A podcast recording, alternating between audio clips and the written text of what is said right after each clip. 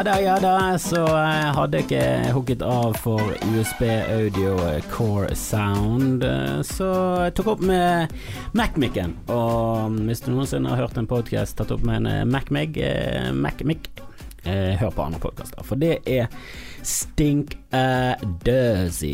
Det vil jeg ikke anbefale. Det høres metallisk ut, det høres romklanget ut. Det er for dårlig, eh, og jeg var egentlig ikke fornøyd med hele episoden, så drit i hele greien. Beklager at den kommer litt sent, men jeg er teknisk tilbakestående, eller har teknisk eh, downs, eh, som noen eh, sier. Hvem disse noen er, det kan jeg ikke røpe. Eh, jeg nekter å si navnet deres. Ok, det er Dagfinn Lyngbø, det er han som sier det.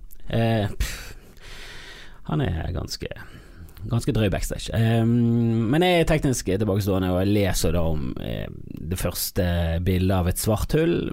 Veldig skuffet over bildet. Syns det så ut som en Ja eh, det ser, det ser, ikke ut eh, som et bilde av eh, noe annet enn litt maling på et svart ark.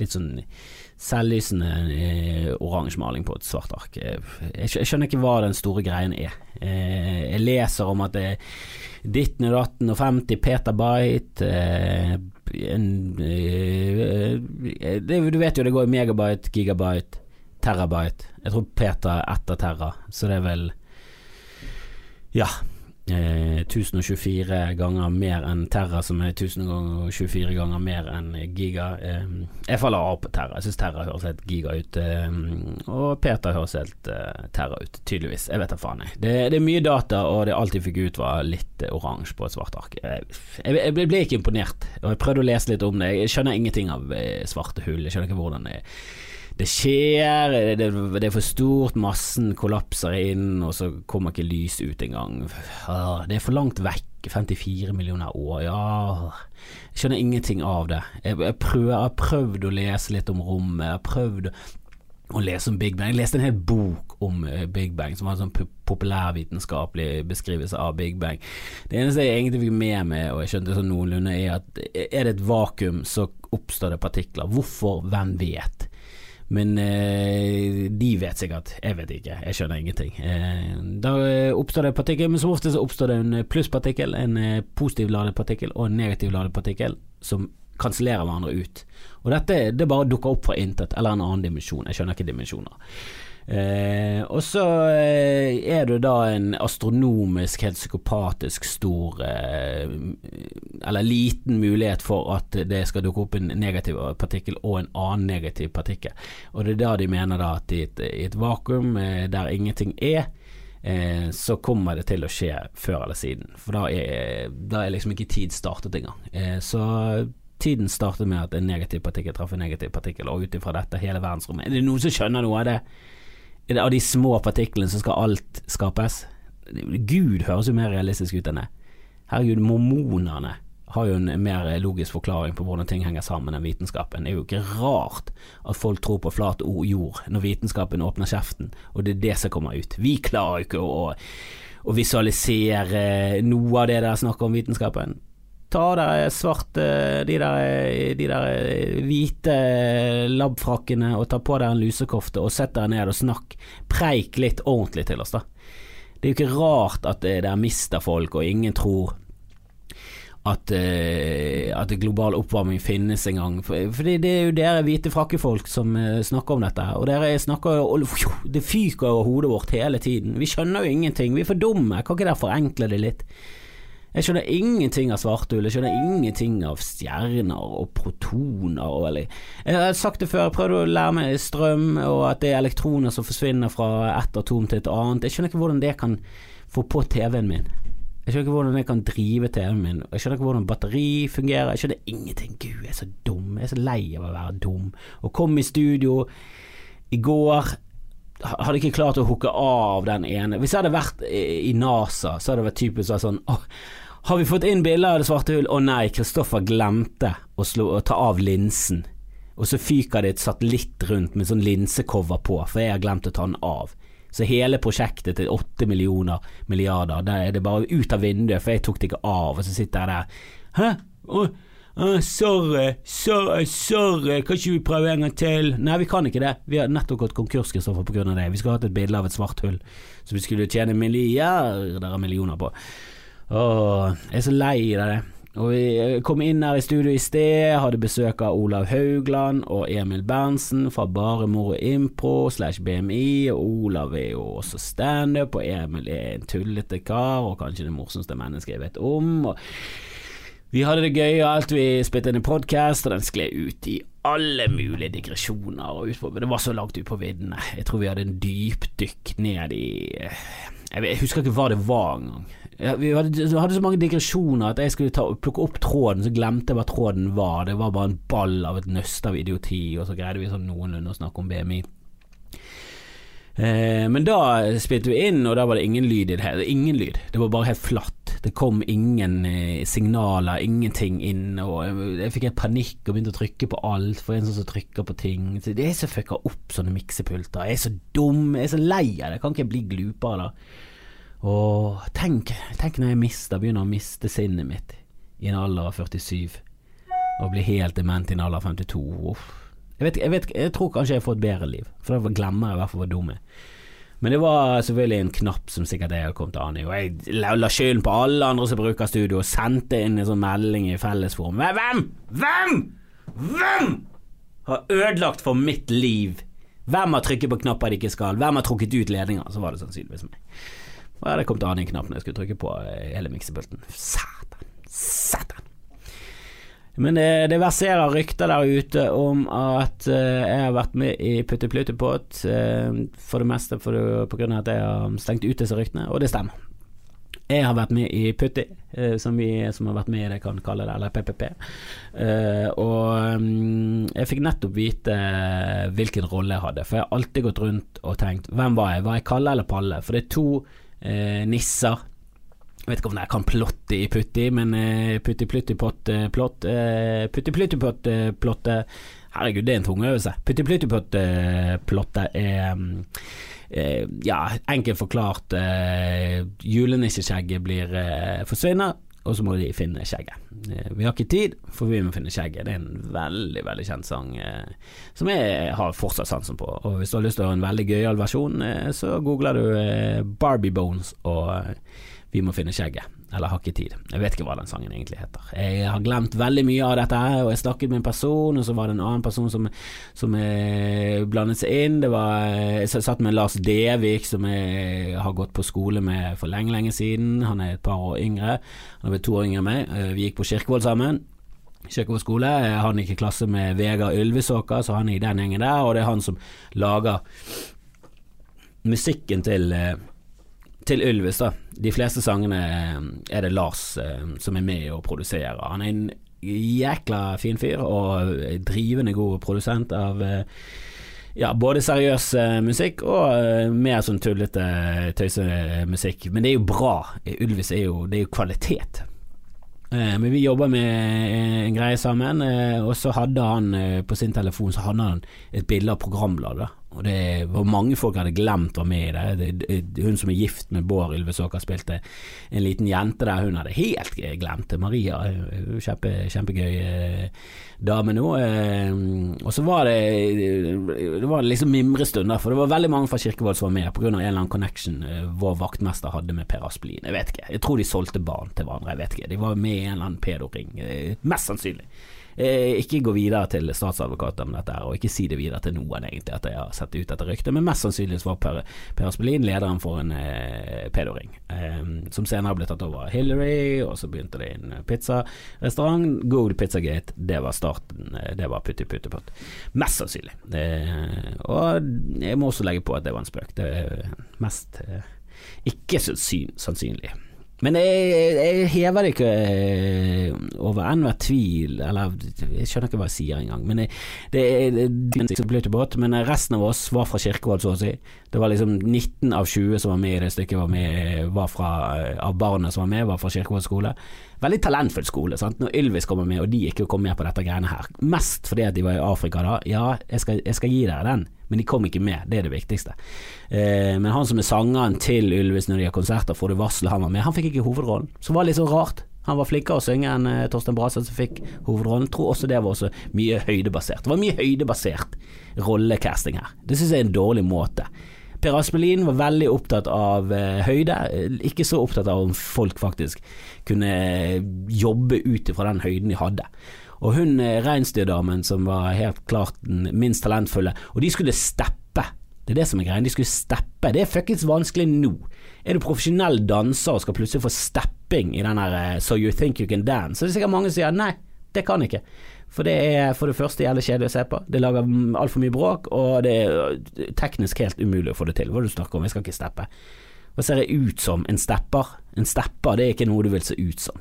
Stepping har aldri det, det, er så lenge siden det var kult. Det var, det var en kort periode fra 1912 til 1924, og så kom børskrekket litt etterpå, og de la hovedskylden på hele børskrekket la de på stepping. Eh, og den store depresjonen som kom etter, da ble du drept hvis du steppet. Hadde du steppesko i skapet, så måtte du flykte. Det var fakkeltog for å finne folk med steppesko. Så upopulært var det. Burde i hvert fall vært det. Nå fantaserer jeg veldig om hvor upopulært stepping burde vært, men jeg tror hovedgrunnen til andre verdenskrig mye av stepping. Det var en jøde som steppet, og Hitler ble Han var nabo og ble dritsur. Og bare Steinmann, fuck it, jeg skal drepe alle dere. Dere stepper, jødene stepper. Og da er det bare balle på seg. En, eh, og jeg syns Hitler eh, gikk for langt der, det må jeg ærlig innrømme. Så kjipt er jeg i stepping, men det er vanskelig. Og det er ganske vanskelig for en, for en niåring som ble eh, høydebasert plukket ut eh, fra en audition, å lære seg fucking stepping fra bunnen av. Og det var ganske avansert stepping, og de skulle komme steppende ut fra siden, utkledd som reinsdyr i trikot med horn. Det gjør jo ikke det lettere. Hun slet. Hun slet, stakkar. Hun gjorde sitt beste. Hun var ikke en, en drittunge eller en latsabb som bare lå i en sofa og spiste druer og sa 'jeg gidder ikke øve'. Hun, hun øvde hardt, men det er vanskelig, og Per Aspelin skjelte henne ut. Han var liksom mannen som skrevet Putti Pluttibot. han har jazzhands og smil på alle bilder noensinne. Han var med i Monkeys, og han var liksom en han var en stor eh, figur, eh, i hvert fall tidligere på 60- og 70-tallet var han ganske stor i Norge. Nå var jo han helt klart på hell, dette var på, på uh, slutten av 80-tallet, begynnelsen av 90-tallet, var rundt den tiden der, og han var på hell. Han, karrieren hans gikk fort nedover, han klingret seg fast, klamret seg fast til Putti, det var det han hadde, han hadde Putti, det var livsverket hans, Putti. Og han innså vel at Putti var liksom, ja, helt greit, men det kom aldri til å bli en internasjonal suksess, det var ingen som brydde seg noe særlig, og nå skulle han prøve å revitalisere Putti hele landet, og, og jobbet beinhardt for det. De hadde kommet seg på NRK, så det var jo en sånn julegreie allerede, og nå skulle de selge ut Grieghallen. Og de slet litt med salget, jeg tror det var preget han veldig. Han, han ble liksom Han fikk ikke gode tall tilbake igjen, og da hjalp det ikke at en niåring kom der og ikke var noe særlig flink å danse, og så hadde de plukket henne ut, så det var for sent å snu. De kunne ikke plukke tilbake de som hadde drevet med rytmisk sportsgymnastikk eller jazzdans, de som burde vært der. Men de som var Å, hun hadde to centimeter for mye, og vi har nok blonde damer, vi må ha en med krøller og, og er lav. Så hun slet jo, og jeg husker at han han, han sto der og bare sånn Du eier jo ikke talent! Du er jo helt Du er jo helt ubrukelig! Du eier ikke talent! Tenk å si du har skrevet et barnestykke, det du jobber med er barn, og så kaller du en niåring talentløs og ubrukelig. Og foreldre var til stede, og de var helt sjokkert. Det var veldig få som tørde å si noe. Liksom, 'Du gikk det ikke litt langt?' Hold nå kjeften på deg! Jeg bare, nå, nå parafraser jeg det litt her, men at han skjelte ut meg og, og, de andre guttene som var noen rasshøl og noen drittunger og, som bare loket rundt og, og køddet med ting og aldri hørte etter. Helt greit, vi fortjente det. Du fortjener å få pes når du ikke gjør ditt beste, og vi gjorde helt klart ikke vårt beste. Vi gjorde vårt beste for å ha det jævlig gøy i bak i kulissene. Vi lo og vi tullet og vi, vi, vi, vi spøkte med alt, og vi ble skjelt ut, og det, det tåler jeg. Jeg har alltid hatt tykk hud, jeg har hatt en familie som slenger mye drit, det har alltid vært mye drittslenging frem og tilbake. Det er sikkert derfor jeg har blitt komiker til slutt, for det det har jeg alltid vært flink til. Å se på ting og gjøre narr av det. Det har jeg vokst opp med. Du får masse status i min familie hvis du gjør narr av ting og får folk til å le. Så det var liksom noe jeg higet etter. Og så hvis du blir skjelt ut der av, av regissøren og hovedrolleinnehaveren og produsenten, helt fair. Men å skjelle ut en niåring som ikke hadde noe særlig talent, og si at hun var talentløs, det er sånn ja, det så vi alle på audition. Hvorfor valgte hun ut? Bare fordi hun var 1,42? Dårlig grunn, det. Du burde, du burde, gjort noe annet enn å telle centimeter, du burde sett på føttene hennes, for de gikk ikke noe særlig fort, og hun var ikke noe flink, og så skal hun lære seg å steppe. En niåring en hvit niåring fra Fane skal lære seg å steppe. Det er, det ikke oppskriften på suksess, det. Det er ikke oppskriften på lett, lett eh, Saken er biff, det, er for faen. Per Aspelin. Jeg hater han fyren. Jeg husker når jeg leste at han døde, så tenkte jeg bra. Bra, bra, bra. Han levde litt for lenge. Dette, dette burde vært en nyhet som kom på slutten av 80-tallet. Han burde dødd på scenen foran oss, så kunne vi sagt Se hvem som er talentløs nå, spasmefyr. Dra det litt langt. Men eh, jeg står inne for det. Jeg, jeg, jeg, backer det opp, eh, og jeg står inne for det. Helt klart.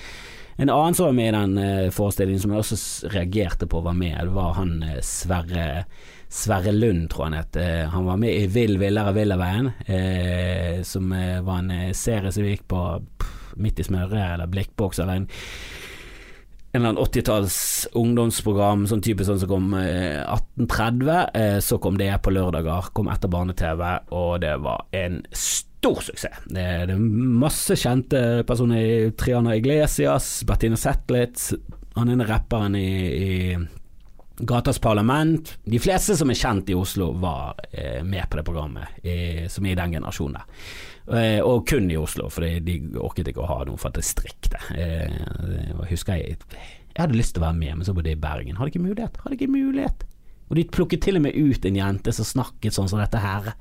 Hun pratet sånn som dette her, og jeg hatet hun. Og fra første skarpe r-en.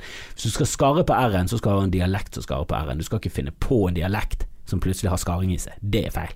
Da må du gå til pedagog. Hva er det som feiler de foreldrene som ikke sender barna sine til pedagog? Hvis du har problemer med å snakke, lesper du, skarrer du på r-en og bor på Østlandet, fiks det. Fiks det med en gang. De blir irriterende folk som ingen liker. Og hvis folk liker de, så er det fordi at de må jobbe over det hinderet. De har et ekstra hinder, og barn trenger ikke hinder i livet sitt. Barn bør få det Jeg sier ikke at du skal sy silkeputer, og det kan være at det skaper karakter. Men nei, det trenger de ikke. Det trenger ingen. Eh, det, nei, nei, nei, der går grensen. Eh, send de til pedagog. Men jeg var med på Putti og Sverre Jeg tror han het Sverre Lund, han er også død nå, heldigvis. Um, uh, han var også For det første røykte han som om tobakk var sunt, som om han trengte det. Som, som om oksygen og tobakk sammen gjorde det enda mer rustet til å stå imot kreft. For han eh, er ganske sikker på å døde av kreft eller eh, kolikk eller et eller annet eh, røykerelatert. For han så ut som han bare var eh, Han så ut som 20% tobakk og 80% mann. Eller 20% tobakk, 70% mann, 10% ond. Eller eh, bitter. For han var også sånn kjip. Omringet av barn hele tiden. Han var med i Villaveien, omringet av barn. Det var en barneserie, barne og ungdom. Og allikevel så likte han ikke barn. Jeg skjønner ikke greiene. Ikke vær med, da. Ikke vær med. Hvis du jobber på sirkus og hater barn, hva er det som skjer i livet ditt som gjør at du fortsatt jobber der? Finn en annen ting å gjøre, da. Kjør en buss, vask et do, bli advokat eller revisor, et eller annet som ikke involverer så mye barn. Ok, jeg trekker vekk bussjåfør, da må du også få litt barn. Du bør være en jovial, hyggelig fyr. Men jeg, du trenger liksom ikke å Du trenger ikke sosialisere med barn på en buss. Det er mer sånn valgfritt. Det holder at du kjører bussen og stopper på busstopp. Men her så skulle han relatere seg til oss. Han var et Vi orket jo ikke å snakke med han. Han stinket jo for det første. Han stink... Å, jeg er så glad røykeloven kom, for dette var før røykeloven. Han satt og røykte i garderoben. Helvete for en møkkafyr. Og du snakket nærm til det. Hvordan, han snakket med sånn skare her òg. Hvordan går det? Ikke bra. Det gikk bra før du snakket til meg. Nå har jeg kols. Du ga meg, du, nå, har jeg plutselig, nå må jeg gå til legen, jeg tror jeg har en svulst i trynet fordi du snakket til meg. Så mye tobakk var han. Og de andre voksne, nydelige folk. Dag Vågsås, morsom altså revytryne fra Oslo, veldig mye med i Chat Noir og alt det der, Tom Sterry og hele det miljøet der. Fantastisk fin fyr, veldig gøy, morsom å spille med, veldig gøy på scenen. Nora Brogstedt, vidunderlig menneske. Sverre Holm, han ene fra Olsenmannen. Fantastisk, elsket unger, vi satt på fanget. Han tok på oss, det var kanskje litt Kanskje han likte oss for mye, jeg vet ikke. Dette er minner, falske minner som jeg har laget nå nettopp. Men det, moralen er putti-plutti-båt, se det, eh, og helst den versjonen jeg var med på. Så finn, eh, finn en tape fra gamle dager og se meg være Kalle eh, som jeg har gått og lurt på nå i hvert fall 15 år, for jeg glemte hvem var jeg, var jeg Kalle eller Palle, jeg husker ikke, jeg husker bare at jeg sang Snurre meg, det var rart, se på den merkelappen her, det står til julenissen, det var bum-bum-dum-ba-ba-du. Men det kunne vi ikke gjøre, for vi hadde playback på østlandsk, eh, og vi kunne ikke spille inn egen playback, vi prøvde med han som spilte Palle, eh, han kunne ikke synge. Eh, som var litt sånn rart når eh, Frode Wassel ikke kunne eh, få den rollen istedenfor, siden han er profesjonell musiker nå og har alltid vært en gud å synge. Jeg kan synge greit, det var helt greit at jeg fikk den rollen, eh, men han andre, nei.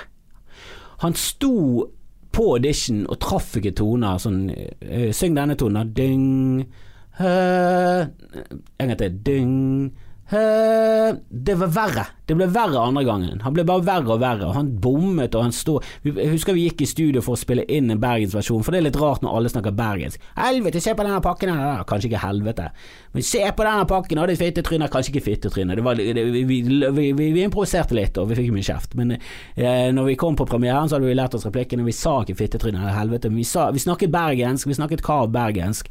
Eh, kanskje jeg snakket jeg med deg, kanskje det var veldig mye jeg med deg, men det er sånn i det bergenske, innenfor det bergenske dialekten, da, eh, snakket vi.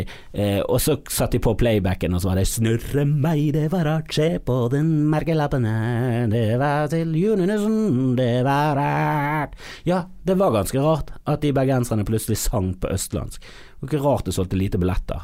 Det tror jeg de fikset etter hvert. Og han Torstein som spilte Putti, han, han var flink nok til å synge, så han fikk lov til å spille sin, eh, sin sang inn eh, på Bergen. Så det var ganske så um, blandet drops. Jeg vet ikke hva vi fikk i kritikk, jeg vet ikke om vi fikk kritikk i det hele tatt, men det, det lukta jo veldig terningkast svak fire, for å være snill, fordi de fleste barna eh, ikke var så talentfulle og kom fra Kirkevold. Så det var sånn, la oss legge godviljen til å gi disse stakkars Fana-barna en firer. Kom igjen, kom igjen, kom igjen! Uh, ellers uh, så tralta jeg rundt. Jeg skal være med på en uh, roast som kommer i Bergen 10. mai. Jeg vet ikke helt om vi har lov til å snakke så mye om det, men liker du den formen for humor som jeg syns er veldig gøy, så vil jeg prøvd å skaffe meg billetter. Det blir sikkert lagt ut om ikke så altfor lenge, og det blir med jækla, jækla bra folk. Eh, Ole Soen er med, og Blipp. Det, det blir gøyalt. Jeg skal ikke si hvem vi roaster, for det kan jeg i hvert fall ikke si, men det, kom, det slippes nok snart. Eh, og jeg elsker jo roast. Jeg har alltid likt Comedy Central sine roaster. Eh, jeg syns jo Greg Geraldo, fantastisk komiker, utrolig god på roast. For han var god skrevet vitser. Det er det jeg liker med roast. Det er så mye bra vitser, og jeg så nettopp om igjen Sarah Silverman som roaster. Eh, han eh, Seth Rogan sin kompis, han fra Superbad, han lille tjukke med krøllet hår som plutselig har blitt tynn og, spiller, og blir Oscar-nominert. Eh, hva er det han heter, da? Seth Rogan og Josh. Åh, jeg er så dårlig på navn. Åh, jeg hater meg selv. Superbad. Jeg må finne ut av dette her. Jeg må finne ut av dette her, for jeg orker ikke å gå rundt. Han spilte i Superbad. Hva er det han heter? Satan, han heter ikke Evan Goldberg. Jonah Hill, hvorfor husker jeg alle navnet på Jonah Hill? Fjellet. Nå har han blitt tynn og litt ja, kjekk, jeg var nå å dra det litt langt, men han har i hvert fall blitt mye tynnere. Men på den tiden så var han ganske tjukk. Eh, Sarah Silverman hadde en av mine yndlingsvitser når det kommer til roast. On a scale to one to ten, do you own a scale? Det er så gøy. Jeg syns den vitsen er så fin, og selvfølgelig hennes levering mye bedre. Gå, Finn det. Sarah Silverman, Roast, Jonah Hill, så finner du det. Nydelig. Hun er jo helt Liker, eh, liker gode gamle Sarah eh, Silverman. Eh. Og vi skal roaste. Vi har jo også roast battle i, i Bergen. Første semifinale nå på lørdag. Det blir gøy. Og neste, neste semifinale er 27., og så har vi finale 4. mai. Det er et prosjekt som, er, som vi i Stende Bergen har satt i gang. Og det er dritgøy. En boksering i midten av eh, et skittent lokale, vaskeriet, det er, det er industrielt, det er murvegger, det er perfekt. Det er dritbra lys, DJ, det er så kult, det er lydeffekter, og så sitter bare folk rundt som en jævla boksekamp, og folk kjører verbale slag, og det er så drøyt og gøyt, og det er helt nydelig. Og folk, eh, folk elsker det. Det har vært fullt eh, alle gangene til nå. Håper vi fyller opp resten av de eh, tre gangene. Og neste gang så har jeg lyst til å være mer, mer, mer med på kvelden. Jeg er mer den som booker og produserer greiene, men jeg får faen ikke tid til å være der på kvelden. Jeg har lyst til å være med, jeg har lyst til å se på.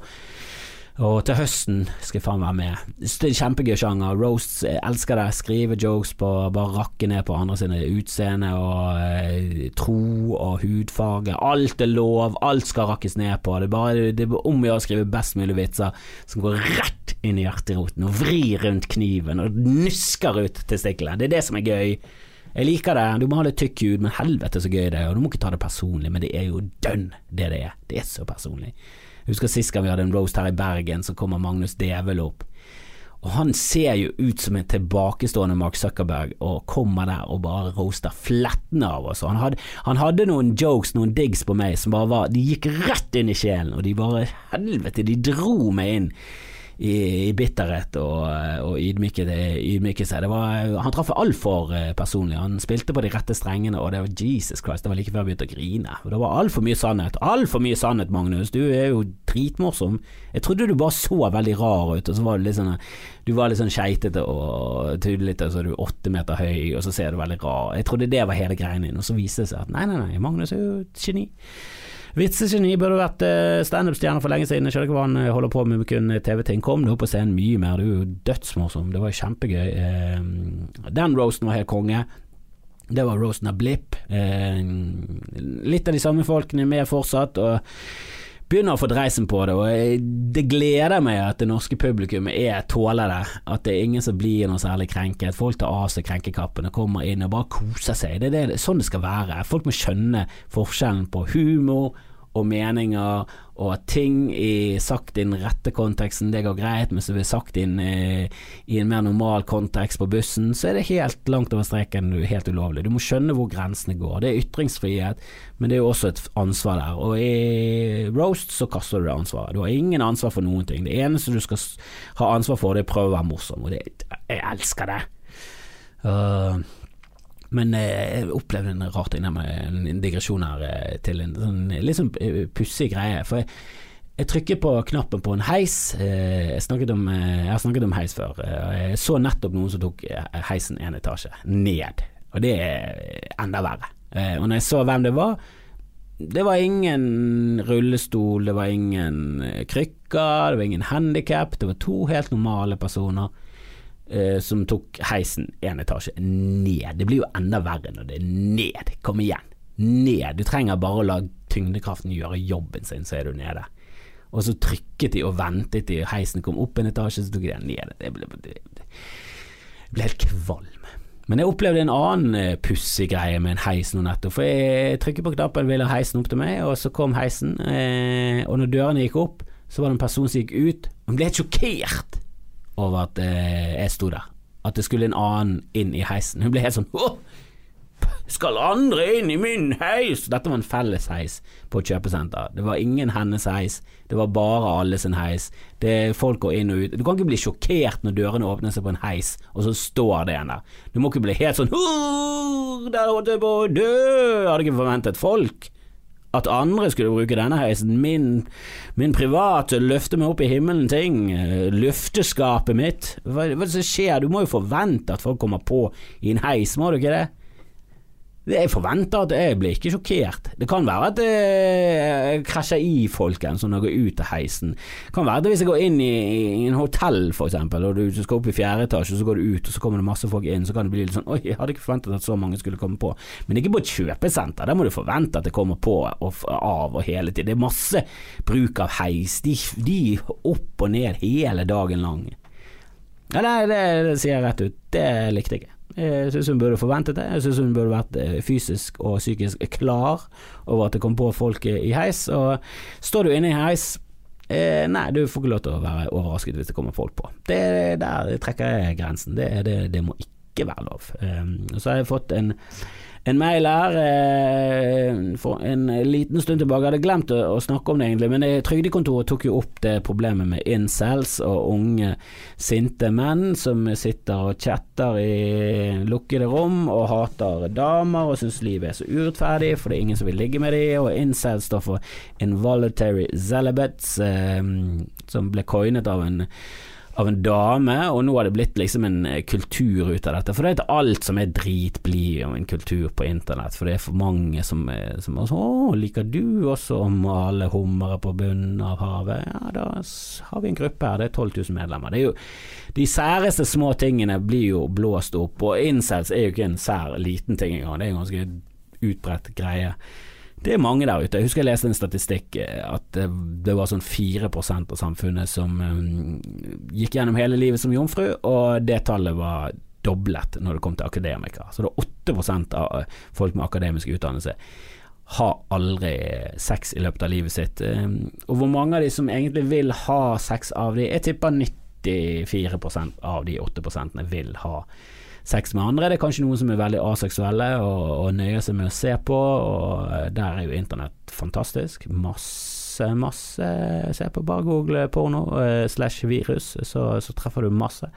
Eh, og det er så mye kategorier. Det, det, du kan bare fråtse. Fråts i vei. Men eh, det er jo litt viktig å også få det til i RL, in real life, eh, og det er der incelsene eh, sliter. Eh, og så har de litt dårlig rykte, for det er et par skoleskytinger og massedrap som blir begått av selverklærte incels, selv om man på trygdekontoret mente at de hadde bare skrytt på seg den tittelen, som er en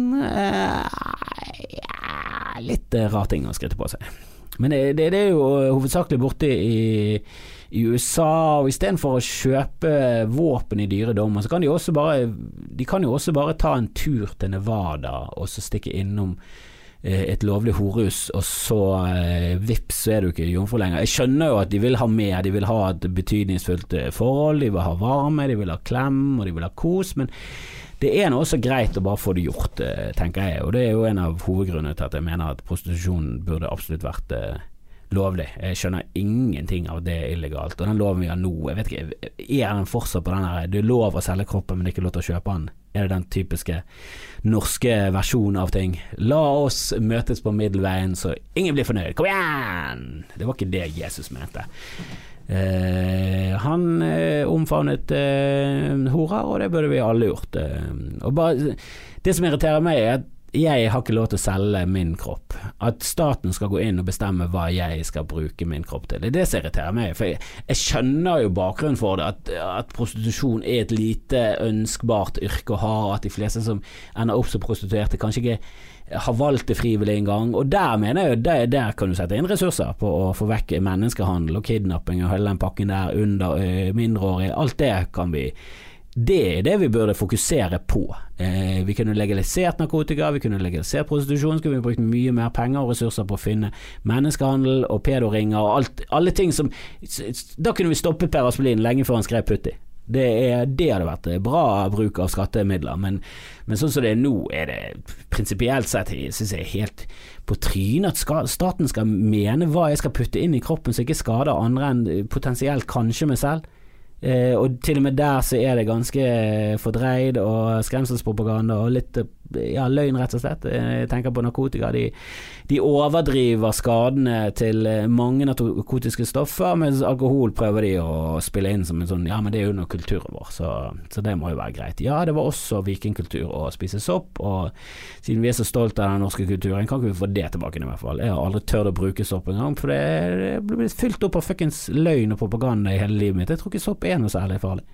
Jeg tror det kan gi deg en indre reise. Jeg tror det, du kan få en eh, større empati for omverdenen rundt deg. Alle historier jeg har hørt om sopp, har alltid vært fylt av gøyhet og gode opplevelser, og at du ser sammenheng mellom ting. Det virker som en ting som folk burde rett og slett gjort på konfirmasjonen sin. Så burde du tatt sopp. Kanskje ikke på selve dagen og bestemor på besøk og du får en moped. Men eh, dagen etter eller dagen før, kanskje det burde vært slutten på konfirmasjonsgreien. En sånn steg over i det, i, det, i det, voksne livet. Jeg vet ikke helt om det er den rette tiden å ta det på, men konfirmasjon i seg selv, hva er det for en ting? Kan vi slutte med det? Det er ingen som er voksen når de er 14-15. Kan, kan, vi slutte å late som du er, du er voksen nok til å ta avgjørelser der? Det er jo ingenting som endrer seg, det eneste er at du plutselig har en bunad. Hva er det som skjer med den konfirmasjonstradisjonen vi har? Kan ikke vi legge konfirmasjon til når du er 21, når du faktisk er 23, et eller annet, når du faktisk er voksen, når du er ferdig utvokst? Det er jo der det burde vært. At du er reproduktiv som seksuelt vesen, det er vel uvesentlig i vårt samfunn nå. Og det er en annen ting. At du kan ha sex og sånn, ja, og at du kan føde barn, ja, kanskje du går på en smell, det er jo ikke heldig å ha en mor som er 14, men ja, det, det kan skje. Eh, biologisk sett burde vi kanskje gjort det, men Eh, jeg vet ikke om det å blande inn narkotika i puberteten er så veldig banebrytende lurt. Eh, jeg har lest en del eh, saker som går litt imot det å, å røyke så mye cannabis når du er tenåring. Heldigvis var jeg ikke i en gjeng som røykte noe særlig tjall når jeg var yngre. Det begynte jeg med når jeg var voksen og kunne ta mine egne avgjørelser, det har jeg aldri angret på. Jeg syns det er en flott eh, ting. Jeg ville heller egentlig røykt mye mer Johnny enn å ha drevet og drukket øl og vin og alt det der. Det er der jeg har gått på smell. Jeg har aldri gått på en smell i hasjrus. Bare hatt det kos og ledd, ledd og kos med og Har du noen gang sett en film i hasjrus? Det er jo så nydelig. 'Ringenes herre' på stigende Tåsi. Det er jo faen meg gull verdt. Burde vært påbudt. Kjøper du billetter til en Marvel-film, så burde du fått med en joint. Eller vapet. Vi kunne vapet i oss eh, cannabisolje. Det er jo helt nydelig. Og prostitusjon jeg burde vært eh, Hvis jeg går på en kjempesmell, økonomisk, fysisk, mister familien min, går, går, helt jævlig, alt går til helvete, både Edvard og damen min dør i mopedulykke eh, på havet, så vil jo jeg ha muligheten min til å selge kroppen min hvis jeg absolutt må. Hvis jeg er så desperat at en eller annen fyr er villig til å betale åtte kroner for å, for å suge penisen min, så må han få lov til å betale med det og jeg må få lov til å ta imot, og så må vi være fornøyd med den handelen. Eller fornøyd og fornøyd, jeg kommer ikke til å være fornøyd, men hvis jeg må jobbe som bussjåfør, så hadde jeg heller ikke vært glad for å gå på jobben. Det er mange drittyrker der ute. Og sikkert bussjåfør absolutt er det verste, men for meg så virker det som et kjipt yrke. Kjøre den samme ruten om igjen og om igjen, stoppe for folk, helt plaget av pling, pling, pling. Du skal av, hold nå kjeften på deg, jævla drittpassasjerer. Jeg vet det er forsinket, men det er jo faen ikke min skyld at det er kø på Danmarks plass. Ikke, ikke pes meg fordi en jævla bil gikk tom for bensin i krysset, og så gikk det utover meg. Helvete heller, kan ikke dere ha litt tålmodighet, da? Det virker som et stressende yrke å få. Uh, å ha, og du får ikke sånn ekstremt bra betalt, og det er veldig repetitivt. Og, nei, det, det, det, for meg, møkkayrke. Kloakkarbeider, helt jævlig. De får i hvert fall risikotillegg. Og der er jo uh, prostitusjon helt uh, flottesen. Jo, ofte kan det være noen som har lyst til å kloakke det også. Litt kloakk her og der, så får du ekstra betalt. Du, det er noe ærlig arbeid.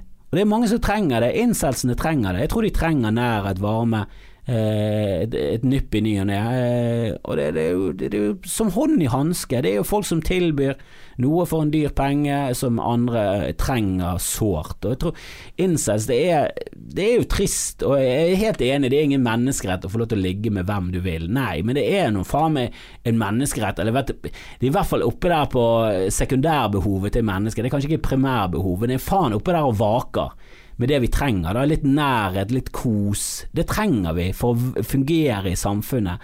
Eller så føler du deg utenfor. Og folk som føler seg utenfor, det er ikke bra. Det er ikke bra for samfunnet. Det er ikke bra for noen. Det er veldig skremmende. De, de tyr ofte til desperate ting, og det er der det er masseskytere. Og ABB var jo en av de. Greit nok, det kan være at han hadde eh, sex med folk, det vet jeg ikke. Det kan være at han var skarphomo. Hvem vet hva som foregikk inni det der forskrudde dustehodet der. Men han var jo helt tydelig en mislykket mann. Og mislykkede menn, unge menn, det er faen meg det er ikke bra. For det at istedenfor å ta selvkritikk og, og gå innover og, og, se på seg selv og gå til psykolog og prøve å finne ut av det, så er det mye lettere å si fuck de der jævla muslimene, kommer her med hijab og kebab og ødelegger den norske kulturen. Og Arbeiderpartiet har hjulpet dem. Ok, jeg skal drepe Arbeiderpartiet-barn. Det er jo en Bare den logikken der er jo helt ute å kjøre. Og hadde han bare fått litt hjelp, eller om han bare Jeg vet ikke. han virker som en håpløs uh, fyr. Han mistet faren sin i, en veldig sårbar alder. Han og Hitler er liksom på samme greien der. Men, og han er, er, kanskje ikke en incel per definisjon, men han er nå faen meg der og vaker i incel. Eh, båsen, da. Jeg er sikker på at han sjekker av mye på incel-båsen. Eh, eller de, de, som henger på de forumene og hater damer. Og, Hvorfor velger de alltid han, han drittsekken? De liker bare bad guys, mens jeg jeg er nå bare snill, jeg holder oppe døren, og jeg kommer og pusser skoene, og jeg hjelper henne med wifien, og så får jeg faen ikke lov til å la rasshund! Det er veldig mye sånn syting og klaging, og damer er noen forferdelige vesener. De, de, liker ikke de, de sier at de liker folk med glimt i øyet og vitser, men så ligger de bare med folk som slår dem med baseballkøller. Og ja, kanskje damer blir tiltrukket biologisk sett av en eller annen beskyttelsesgreie. Alfa, han er jo veldig poppis, men Kom igjen. Eh, å være med mennesker gjør det bedre å være med mennesker, så bare vær med mennesker. Slutt å øh, Jobb med problemet ditt. Prøv å være der ute. Prøv å gjøre det bedre. Og her syns jeg staten også bør gå inn og, og gjøre det lettere for eh, menn å faktisk eh, det høres dumt ut, og jeg har klaget veldig mye på menn som klager og syter. Ja, jeg syns vi har det lettest, men akkurat når det kommer til å ha sex med folk, så er det definitivt ikke menn som har det enklest. Det, det er det andre kjønnet som, som absolutt eh, har det et par hakk enklere. Og greit nok, det medfører også en uh, uhorvelig dritt pakke av drit eh, som fører med det, eh, fordi du er fysisk svakere. Eh, så desperate menn gjør desperate ting, og, og, menn som faller utenfor samfunnet er jo noen møkkafolk av dimensjoner. Jeg husker da jeg var liten, når jeg var liksom oppe i ungdomsårene, så var det faktisk en reell frykt i samfunnet av at unge Eh, potensielt livsfarlige menn i gjenger skulle ta over samfunnet. Det var, det var det var én av apokalypseteoriene. Eh, du har atomkrig, du har global oppvarming, du har at polene snur, og at eh, elektriske system går til helvete, du har en EMP Du har masse forskjellige teorier. Hvis du ser på Doomsday Preppers, masse teorier. En av teoriene er på eh, slutten av 80-tallet, begynnelsen av 90-tallet. Gjenger kommer til å ta over samfunnet. Det var et så stort problem. Eh, og det var fordi det var veldig mange menn, unge menn, som hadde hatt dårlig oppdragelse, dårlige oppvekster. De hadde vært oppfostret i fattigdom med, med, damer som hadde gått på en biologisk smell altfor tidlig, ikke hadde noen kapasitet til å være mamma. Uh, og dette ble korrigert av Roe versus Wade mye. Det er abortloven i, i, i USA som korrelerer veldig mellom uh, når den gjengbrutaliteten begynte å gå ned, så var det omtrent 16 18 år etter Roe versus Wade. Og du kan se det i andre stater som innførte abort tidligere, ifølge Freakonomics. Eh, det var en stater som innførte lovlig abort to år tidligere, og der ser du at eh, gjengkriminalitet og ungdomskriminalitet gikk ned to år før. Så det er en helt klar korrelasjon i USA. Eh, I, I, Norge har det vel vært lov å, ta abort lenger enn det, så det er sikkert de samme tallene Eh, her, eh, og, det å få uønskede barn, det er ikke bra for samfunnet. Og jeg, jeg skjønner at folk er mot eh, abort, eh, det kan jeg skjønne sånn prinsipielt sett, og hvis du er kristen og bla, bla, bla, så ja, jeg kan skjønne det. Jeg syns vi bør ta bedre vare på de som lever. Eh, jeg syns det er helt klare statistiske bevis på at det er en bra ting med abort, og alt som er bra for fellesskapet, syns jeg er bra. Eh, og Det er derfor jeg har et, et lite ben å plukke med, med, leger. Kan du si ben å plukke? Eh, det må du nesten gå til legen og spørre om. Men eh, jeg syns leger eh, gjør veldig mye bra for folk som lever, men de gjør også at alle lever og overlever, og vi blir ikke sterkere som mennesker. Nå høres dette veldig raseteori og narsissistisk ut, og det er det. Det er veldig sånn den sterkeste rett. Men eh, det er nå den gang sånn at vi har hevet oss over naturen, eh, og leger er stor skyld i det. De får oss til å leve kjempelenge, de har funnet eh, de har mye vaksiner, eh, de finner mer og mer ut hvordan du stopper aids, og hvis du har penger nok, så stopper det aids. Eh, og eh, de løser kreft, det er flere og flere kreft som får behandling. Til slutt så dør jo vi ikke. Vi kommer jo til å til slutt finne ut hvordan vi lever evig, det er jeg ganske sikker på. Om det skjer om 50 år, eller om 1000 år, eller 10 000, det er jeg usikker på.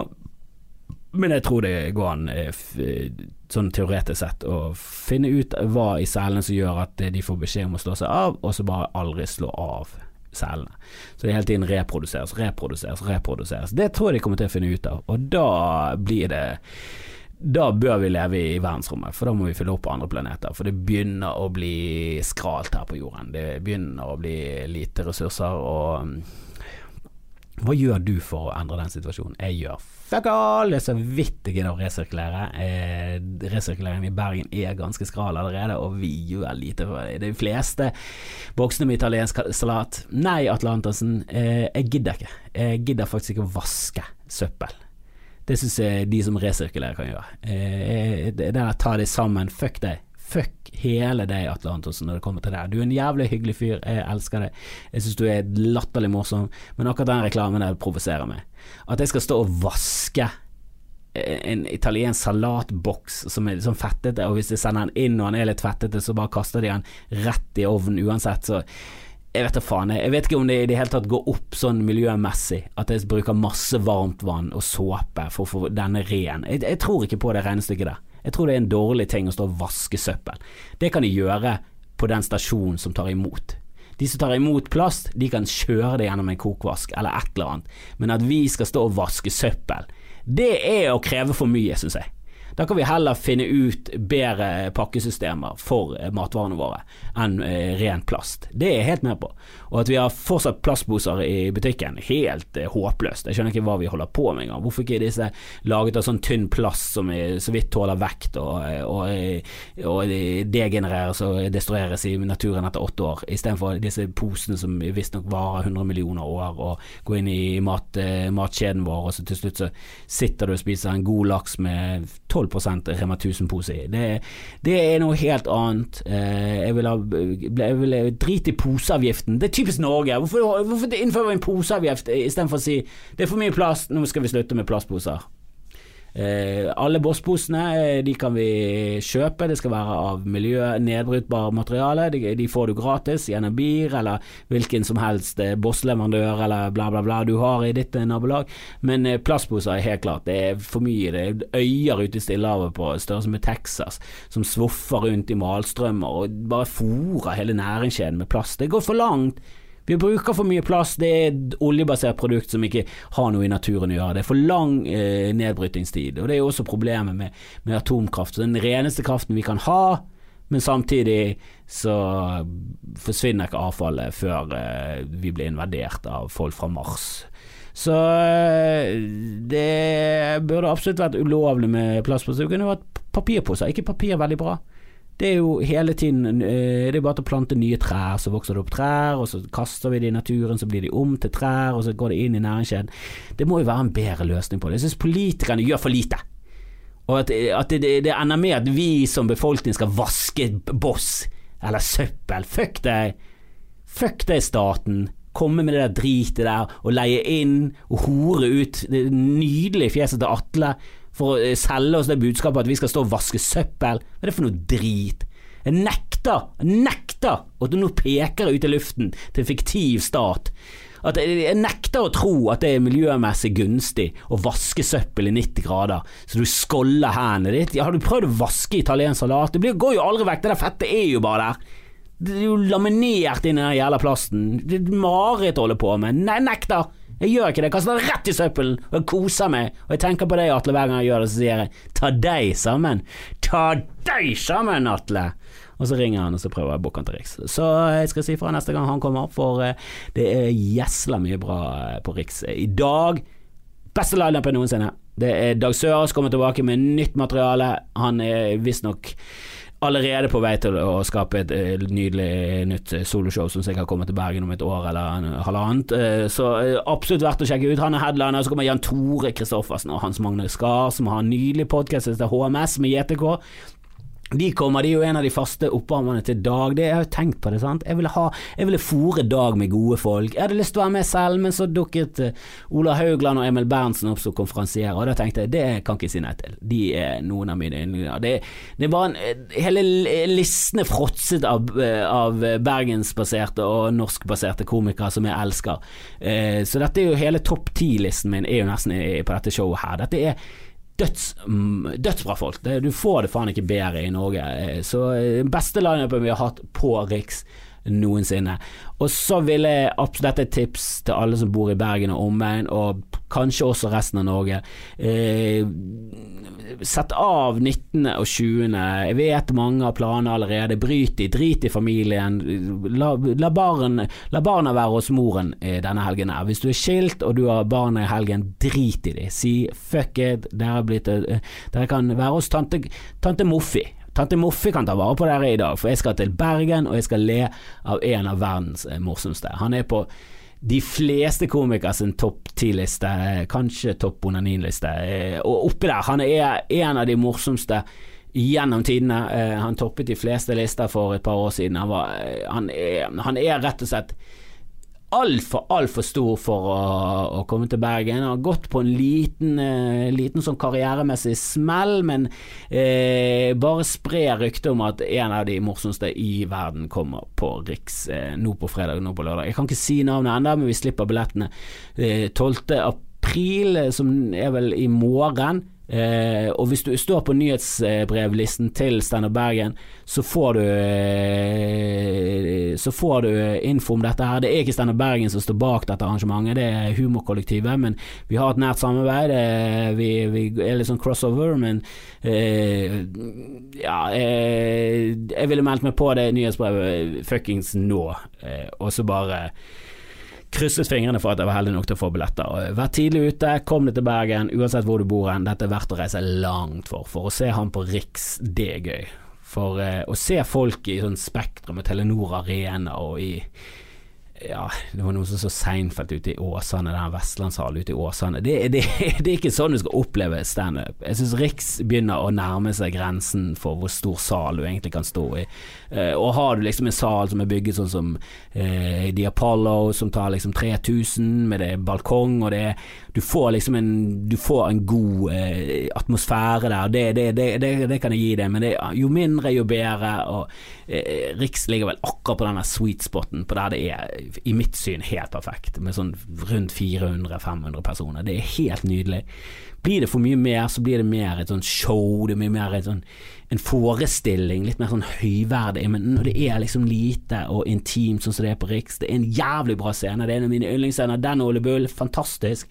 Uh, så det er ja, det er det sykeste noensinne. Eh, hvis ikke du har mulighet på, på, fredag og lørdag, så er det, eh, er det påskestandup eh, onsdag. Der er det også veldig mye gøye folk. Og Pål Rønne ved konferansier. Det er påskeekstravaganser. Det, det kommer til å bli kanon, det òg. Men eh, har du mulighet fredag og egentlig lørdag du sent, Han er så bra at du bør kjøpe til begge dagene. Bo i Bergen i to dager og bare kose ræven av deg med det med det drøyeste noensinne. Eh, til alle andre, tusen takk for at dere støtter meg i alle mulige kanaler. Jeg elsker at dere sprer det. Bare å si til en venn eller to at det er gøy å høre på podkast, og få de gjerne til å høre på denne. Eh, gi meg noen ratings på iTunes, send meg dickpics på skamfrelst.gmail.com. Jeg elsker dickpics, jeg har ikke fått nok av de. Jeg har ikke fått nok av de, jeg har egentlig bare fått tull. Så kunne jeg fått et ekte et, så hadde det vært helt nydelig. Eh, og send gjerne inn tema og spørsmål og ris og ros, helst ros. Kanskje litt ris òg. Eh, det er greit, det. Eh, jeg takler det. Eh, sier jeg det, jeg blir helt knust hver gang noen sier noe negativt. Så bare de sier det. Du, det var litt lav lyd på Martin Beyer, som blir rett i hjerteroten og ligger i foster og suger på tommel ganske lenge etterpå. Takler jo ingenting. Men det må jeg, det må jeg rett og slett bare Det må jeg tåle å høre. Eh, jeg sender ut dette greiene her ut i eteren, og det bør faen være verdt å lytte på. Det er derfor den episoden i sted det var ikke bra nok. Det var ikke bra nok lyd, jeg kan ikke stå inne for det. Jeg synes innholdet også Denne episoden er mye bedre. Mye bedre. Jeg er veldig fornøyd med avgjørelsen om å bare skrote hele driten, spille det inn på ny. For jeg vil levere bra greier ut der. Jeg har eh, snakket litt for lenge i dag, det beklager jeg. Uh, denne podkasten pleier å vare en halvtime, nå har det veldig mye på hjertet. Jeg beklager det. Eh, dere som fortsatt hører, hører på, tusen takk for det. Send meg mail. Gå inn på iTunes, rate alt det der greiene der, spre det. Jeg elsker dere. God påske! Så feirer vi at Jesus er død og borte i tre dager. Med snop fra et egg lagt av en hare.